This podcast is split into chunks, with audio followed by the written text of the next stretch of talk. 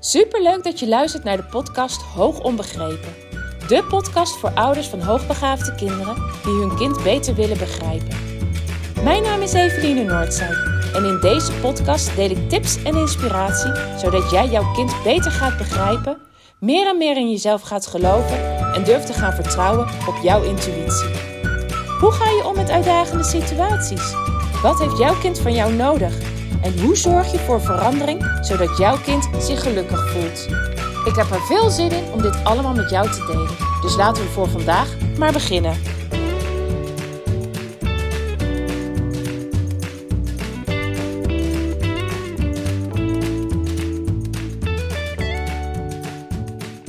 Hey, leuk dat je weer luistert.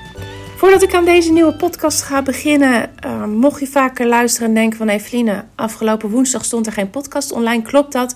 Ja, dat klopte. Door uh, privéomstandigheden lukte het me echt niet om een uh, podcast op te nemen. Dus ik heb hem even overgeslagen. maar vandaag wel weer een podcast. En waar ik, het je met, waar ik het met je over wil hebben is over hoe ik het heb ervaren en wat ik heb gedaan de afgelopen jaren.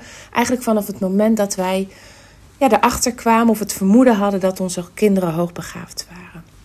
Want tijdens mijn opleiding, en heel veel mensen weten dat niet, die denken van, nou goed, hè, dat zou, daar zal je ook een heleboel over geleerd hebben, over hoogbegaafdheid tijdens je opleiding. Nee, dat is echt niks geweest. Zowel tijdens de sociaal-pedagogische hulpverlening is het nooit over hoogbegaafdheid gegaan. En ook op de universiteit, toen ik orthopedagogiek studeerde, is het nooit over hoogbegaafdheid gegaan. Nou, dat is niet helemaal waar. Het is één keer zijdelings over hoogbegaafdheid gegaan. Maar dan veel meer. Uh, die docent sprak toen over een uh, casus. Op de universiteit deden ze ook het onderzoeken van kinderen. Psychodiagnostisch onderzoek bij kinderen. En de, ja, daar, daarvan konden wij ook heel veel leren. Dus heel veel casussen werden met ons besproken. En zo ook deze casus waarin ze besprak dat er een stoornis gediagnosticeerd was bij een jongen, namelijk Asperger. En daarin noemden ze dat hij een heel hoog IQ had. Hè? Hij was hoogbegaafd en had kenmerken van autisme. Nou, toen nam ik dat allemaal nog van waar aan. Uh, inmiddels heb ik daar wel echt mijn vraagtekens bij. Van in hoeverre horen de kenmerken en de klachten die deze jongen had. En die leken hè, op kenmerken van autisme, niet gewoon bij hoogbegaafdheid. Ik durf er geen antwoord op te geven, omdat ik, ja, ik weet de casus gewoon niet meer helemaal. Tenminste, het grootste gedeelte weet ik niet meer. Dus ik kan er ook niet zo heel veel zinnigs uh, meer over zeggen. Maar het is wel iets waar ik nu mijn vraagtekens bij heb omdat ik zowel uit de literatuur als uit de ervaring in de praktijk heb dat heel veel kenmerken die worden gezien als autisme ook heel erg goed kunnen horen bij hoogbegaafdheid. Of komen door stress bij hoogbegaafde kinderen die in een niet passende omgeving moeten functioneren. Ik sprak laatst de moeder van een jongen die ik eh, een aantal jaar geleden heb onderzocht. En um, zij gaf mij aan dat ze zo ontzettend blij was dat ik niet stoornisgericht uh, ben. Dat doe ik trouwens Nooit. Ik ben nooit stoornisgericht. Ik ben gewoon heel erg kindgericht. Wat heeft dit kind met, ja, met het gedrag wat het vertoont, met de kenmerken die ouders met mij bespreken? Wat heeft dit kind nodig om weer lekker in zijn vel te komen zitten? Om weer lekker zich te kunnen ontwikkelen? Um, maar ze, ze zei dus van ik, ik ben zo blij dat je enkel uh, vanuit het onderzoek het gedrag het beschrijven. Hè, wat jij ook zag. Dat je heel beschrijvend bent geweest en dat je daar niet een oordeel in de vorm van een stoornis aan hebt gekoppeld. Want ze vertelde mij dat op basis van het onderzoek hij inmiddels op een andere school zit. En de kenmerken die toen heel erg duidelijk zichtbaar waren, en die ik toen misschien wel had kunnen koppelen aan een stoornis, eigenlijk helemaal niet meer aanwezig waren. En ik was heel blij dat ze me dit teruggaf, want dat sterkt mij zo in de overtuiging dat we niet in stoornissen moeten denken, maar dat we met z'n allen veel meer gericht moeten zijn op: oké, wat heeft dit kind nodig? En dan hoor ik heel veel ouders nu al denken: ja, maar als jij onderzoekt naar hoogbegaafdheid, dan ben je toch ook bezig met stoornissen? Nou, ten eerste is hoogbegaafdheid geen stoornis. En ten tweede um, doe ik intelligentieonderzoek om de hoogte van de intelligentie te bepalen. Niet omdat ik dan zo heel graag wil kunnen zeggen, nou je kind is hoogbegaafd, maar omdat dat richting geeft aan waar je aan moet denken als professional, als ouder, als leerkracht, wat dit kind nodig heeft. Het is eigenlijk, ja, ik noem dat altijd mijn richtingsaanwijzing, welke kant ik moet denken. Komt er een heel laag IQ uit, dan weet ik ook dat ik een andere kant op moet gaan denken over wat dit kind nodig heeft. Weet je, dus het is veel meer een, een manier waarop men mijn gedachten stuurt, zodat ik beter kan weten en beter begrijp wat jouw kind nodig heeft. Dus het is niet bedoeld als ja, manier om een stoornis te diagnosticeren. Nogmaals, hoogbegaafdheid is geen stoornis. Nou, dit was even een uitstapje. Ik heb er dus op de, in de opleiding dus niks over gehad. En doordat ik niks wist over hoogbegaafdheid, maar het vermoeden wel ja, steeds meer begon te krijgen. Hè? Onze kinderen waren inmiddels uh, ja, onze oudste was vier toen ik daarmee in aanraking kwam, dat iemand mij daarop wees. Ja, ben ik op onderzoek uitgegaan, want we liepen eigenlijk met, met haar al vrij snel vast in de schoolsituatie. Maar ook van kleins af aan waren er ook al ja, best wel flinke uitdagingen in de opvoeding. Niet van alleen van haar, ook van, van onze tweede. Veel praten, veel vragen stellen, alles willen weten. Nou, ze liepen voor in hun ontwikkeling. Hè, al dus ook snel al uitgekeken zijn op speelgoed. Uh, vol, ja, speelgoed willen uh, doen, puzzels willen maken die voor oudere kinderen bedoeld waren. Ook snel uitgekeken zijn op, op, ja, op materiaal wat ik ze aanbood. Uh, maar ook grenzen niet zomaar accepteren. Die enorme behoefte aan autonomie. Ook als kleine kinderen konden ze al flink met me discussiëren. Maar ook mij manipuleren. Hè? En dat kan ik pas achteraf veel beter zien. Uh, toen ik erin zat, had ik dat nog niet altijd even goed door. Maar nu denk ik, ja, jullie konden mij van kleins af aan al heel goed manipuleren. Maar ook de gevoeligheden. Weet je, als, als een van de kinderen was wezen logeren, dan waren ze van slag. En dan waren ze moeilijker bij te sturen. En dan hingen ze heel erg aan mij. Hadden ze heel erg die nabijheid van mij nodig. Um, zich niet kunnen vermaken of maar moeizaam zichzelf kunnen vermaken. Boosheid en woede aanvallen, extreme huilbuilen. Nou, je, kent het waarschijnlijk uh, wel. Al vroeg had ik hier ook allemaal mee te maken. En doordat ik heel erg zoekende was en niet zo goed wist hoe ik dingen aan moest pakken, was ik ook heel erg onzeker. En dat maakte de situatie met kinderen natuurlijk ook niet beter. Op het moment dat je onzeker bent, dan voelen ze dat aan. Hè, je bent minder duidelijk, je bent minder overtuigd over ja, wie je bent, wat je doet. Ja, en dat, daar nemen ze op dat moment dan ook weer een loopje mee. En ja, mijn, mijn, mijn omgeving zag dat ik heel erg zoekende was. En ik kreeg dan ook heel, heel vaak advies van ze. En de meeste, de meeste keren ongevraagd maar ook wel commentaar. Weet je, zo heb ik dat in ieder geval wel ervaren als commentaar. En dat ik dingen beter anders kon doen en waarom ik niet dit of dat deed. En ja, doordat ik zo zoekende was, dacht ik heel vaak: oké, doe het niet goed. Misschien moet ik dan inderdaad maar het op die manier gaan aanpakken. En dan probeerde ik dat ook. En heel vaak werkte dat averechts. Nou, je kan je voorstellen, mijn vertrouwen in mezelf werd er in ieder geval niet beter van. Het zorgde er eigenlijk meer en meer voor dat ik me onbegrepen voelde en dat ik het gevoel had dat ik alleen was. Nou, mijn geluk, denk ik, in die periode is dat. Uh, ja, weet je, kinderen zijn mijn vak. Het gedrag van kinderen is mijn vak. En ik ben van nature behoorlijk nieuwsgierig en ik ben toen echt gaan lezen. Ik ben dingen gaan opzoeken, ik ben gaan lezen. Maar dit is wel echt een enorme lange weg geweest. En ging ook met vallen en opstaan. En nou ja, gelukkig meer opstaan dan vallen. Want uh, inmiddels gaat het behoorlijk goed bij ons uh, thuis. En daar ben ik echt heel erg dankbaar voor. Maar het is niet over rozen gegaan. En ik begon in eerste instantie toen ik. Um, ik denk dat ik zoeken. Dat ik als eerste ging zoeken toen onze kinderen nog niet eens op school zaten. Dus ik was eigenlijk nog niet in de richting van hoogbegaafdheid aan het zoeken. Ik was veel meer aan het, op, aan het zoeken in de, in de opvoedboeken. Ehm, ja, wat hebben kinderen nodig? Op wat voor manier kan je het doen? Ik kwam ook, hè, waar ik zelf heel erg ben opgeleid in uh, het denken in straffen en belonen, kwam ik ook bij hele andere boeken terecht. Wat echt een verademing was. Mijn wereld uh, werd groter. En uh, ik merkte dat dat ook veel meer bij me paste. Maar in eerste instantie ging het dus niet zozeer over HB. En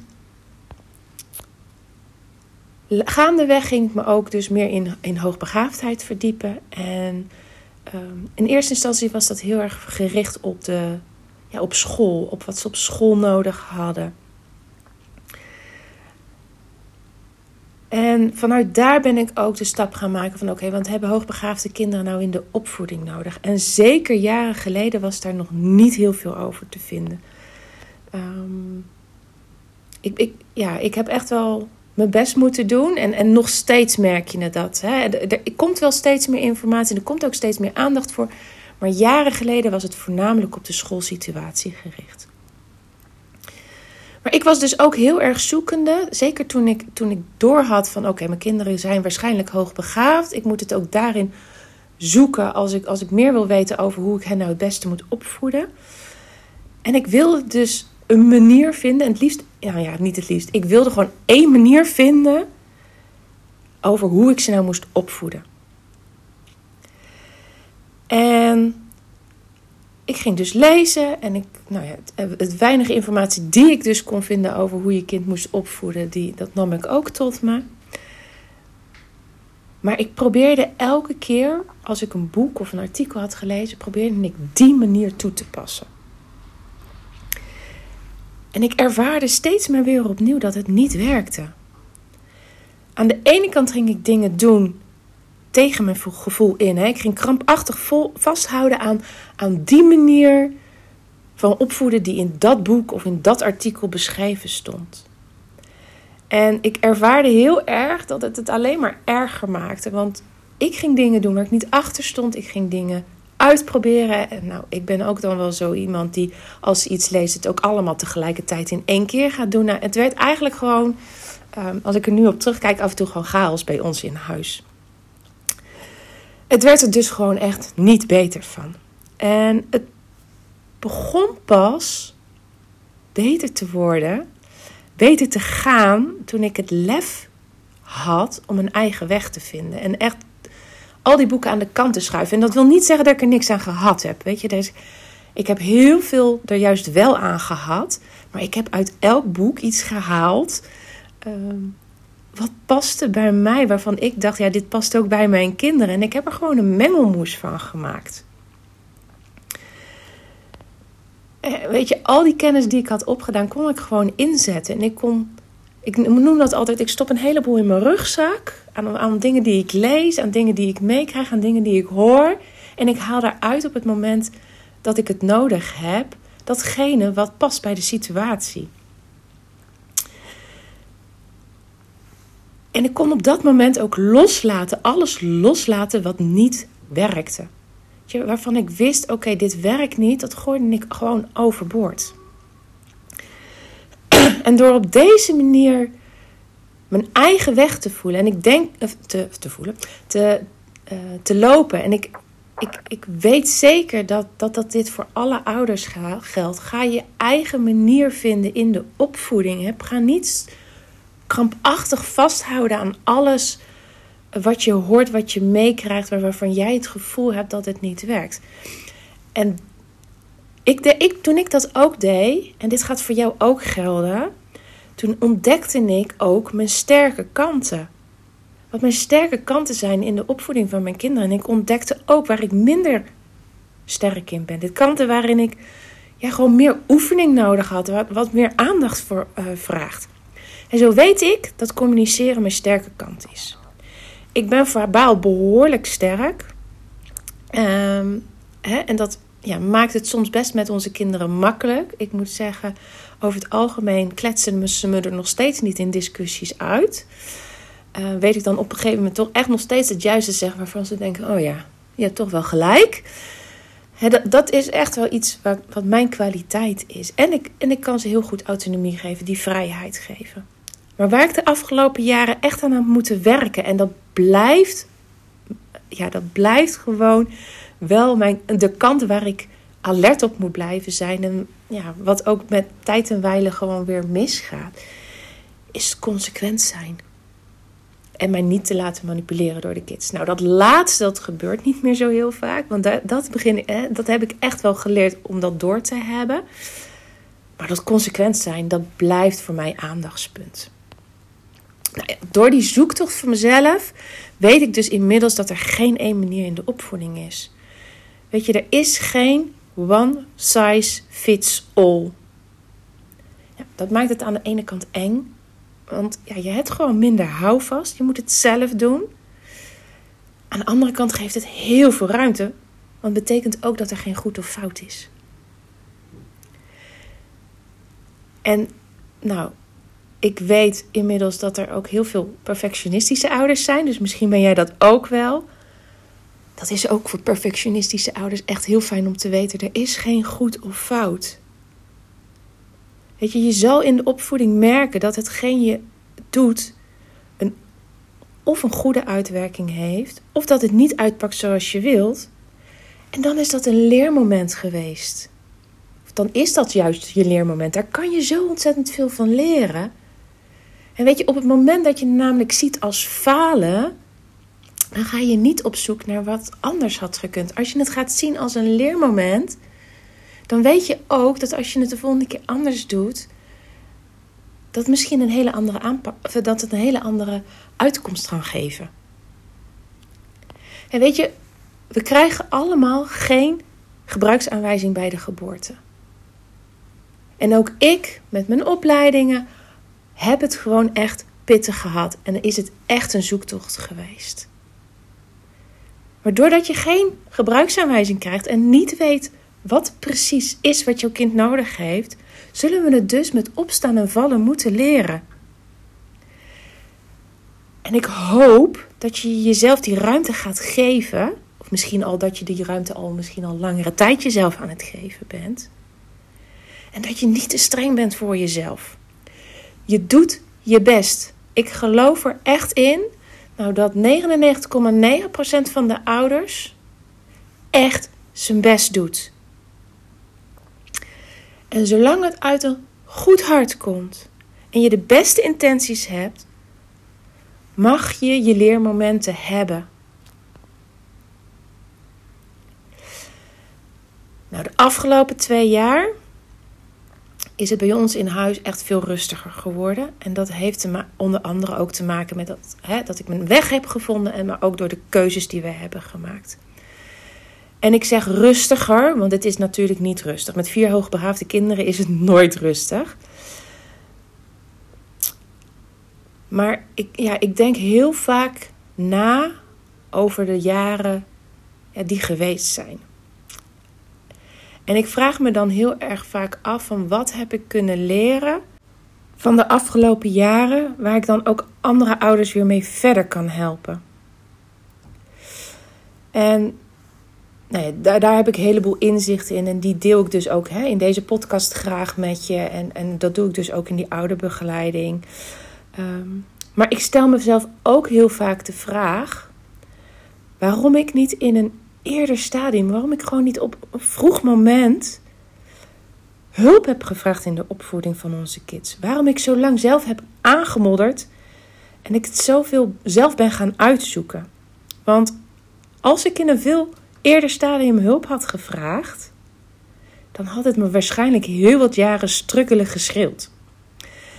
En als ik heel eerlijk ben naar mezelf, en dus nu ook naar jou, dan durfde ik de stap niet te maken uit schaamte. Ik schaamde mij dat ik het niet zelf voor mekaar kreeg.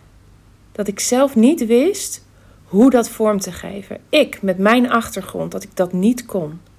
En het gaf me het gevoel van falen. Ehm, dat gevoel had ik heel sterk, dat ik faalde in de opvoeding, dat ik faalde als moeder. En ik, ik wilde niet dat andere mensen wisten dat ik er moeite mee had. Dat ik moeite had in de opvoeding van onze kinderen. Um, ja, dat, dat schaamtegevoel heeft mij heel erg in de weg gezeten. En het, het feit dat ik dat nu met jou deel, is dat ik me daar niet helemaal niet meer voor schaam. Um,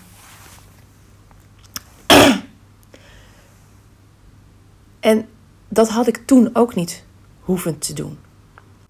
Maar ik was heel erg bang om veroordeeld te worden. Ik was heel erg bang dat als ik naar iemand toe zou gaan, dat die mij zou veroordelen. Veroordelen voor wat ik wel deed, wat ik niet deed in de opvoeding. En ik vraag me wel eens af waarvoor ik daar toch zo bang voor ben geweest. Omdat ik merk aan, ook aan collega's, psychologen, pedagogen, die, die, die zijn gestart omdat ze mensen willen helpen en niet om te veroordelen. En ik, ja, nu, nu ik zoveel jaren verder ben, begrijp ik niet dat ik daar zo bang voor ben geweest. Weet je, op het moment namelijk, stel dat je wel zo iemand treft. Ik mag het echt alsjeblieft niet hopen, want het is zo krachtig als je juist wel hulp durft te vragen. Wie is die ander om jou te veroordelen? Maar dan, als je wel zo iemand treft die jou veroordeelt, of je voelt je veroordeeld, dan ben je daar niet op de juiste plek. Weet je, het is niet aan mij als ik mensen hier krijg om te helpen om iemand te veroordelen, want daar help ik helemaal niemand bij. Dus dat is echt een overtuiging in mij toen er tijd geweest. Die angst om veroordeeld te worden. Dat, ja, daarmee moest ik aan, de aan het werk en aan de slag. Dat is misschien ja, wat bij mij hoorde, maar wat ik heb moeten leren loslaten. Want het is juist heel krachtig om hulp te vragen. Als ik nu merk dat ouders naar mij toe komen en zeggen van joh, ik loop vast in de opvoeding en daarin heel open en eerlijk durven te zijn, dan vind ik dat alleen maar prachtig en heel krachtig. Want het zegt namelijk dat je, ja, dat je je kwetsbaar durft op te stellen in het belang van je kind. En je wil graag verder, je wil vooruit. En ik zal je never, never, nooit veroordelen om alles wat je gedaan hebt of om alles wat je gelaten hebt. Want daar ben ik niet voor, daar help ik jou ook niet mee verder. En als ik dus nu terugkijk naar al die jaren strukkelen en ik denk: oké, als ik nu mijn eigen angsten had kunnen loslaten en had kunnen vertrouwen op dat iemand mij gewoon had kunnen helpen en dat die me niet zou kunnen veroordelen, denk ik: oh, het had me echt heel veel jaren geschild als ik die stap had durven te zetten. En daarom ben ik ook altijd echt heel trots op ouders. En ik hoop dat ik ze dat ook echt voldoende mee kan geven. Hoe goed het van ze is dat ze die stap wel zetten. En nou ja, dat, dat jaren struggelen, dat, uh, dat gun ik je niet. Dus denk jij nu van ja, het is nu klaar met dat gestrukkel. Weet dan dat je bij mij terecht kan voor ouderbegeleiding. Ik heb deze week, of tenminste afgelopen maandag, aangegeven van weet je, in het kader van de Week van de Hoogbegaafdheid en de 150ste podcast die maandag online stond, ga ik een korting geven. Die korting geldt nog steeds, maar die zou tot vrijdagavond 8 uur gelden. Ik ga die verlengen, want ik denk, weet je, afgelopen week is er een podcast minder online geweest. Ik heb het je minder kunnen meegeven dat die korting nog steeds geldt. Of misschien is dit de eerste keer dat je een podcast luistert en denk je, oh jee, Jammer, want het is al vrijdag geweest. Ik zou dat zonde vinden, dus ik ga hem verlengen. Tot aanstaande woensdag 15 maart, 8 uur s avonds, kan je er nog gebruik van maken. Denk je van Eveline leuk, maar ik weet niet waar het over gaat? Ik ga het je nog een keer uitleggen. Je krijgt bij het inplannen via mijn online agenda krijg je 20% korting op de prijs van een oudergesprek. Dus in plaats van 85 euro wordt het 68 euro. Je hoeft nu maar één gesprek in te plannen in mijn online agenda, maar die korting geldt voor elk gesprek dat wij doorplannen. Dus na ons eerste gesprek plannen wij, als het nodig is, een nieuw gesprek in en ook daar geldt die korting voor. De korting geldt zowel voor de online gesprekken als voor de uh, gesprekken op de praktijk. Je kan aangeven, wil je gesprek gewoon echt live bij mij op de praktijk? Dat kan nu nog tot eind maart. Of wil je ze uh, online, wat ook prima is, want dan kan ik het ook doorzetten op het moment dat ik het weer in, weer in het buitenland zit. Um, beide is mogelijk. Je mag er ook een combinatie van maken. Uh, maar weet dus, als je verder weg woont en deze podcast luistert, uh, van ja, ik, uh, ik heb geen zin om daar een hele tijd voor in de auto te moeten zitten. Dat is het niet waard. Dat het dus ook online kan. Wat wilde ik er nog meer? Ik wilde er nog iets over zeggen.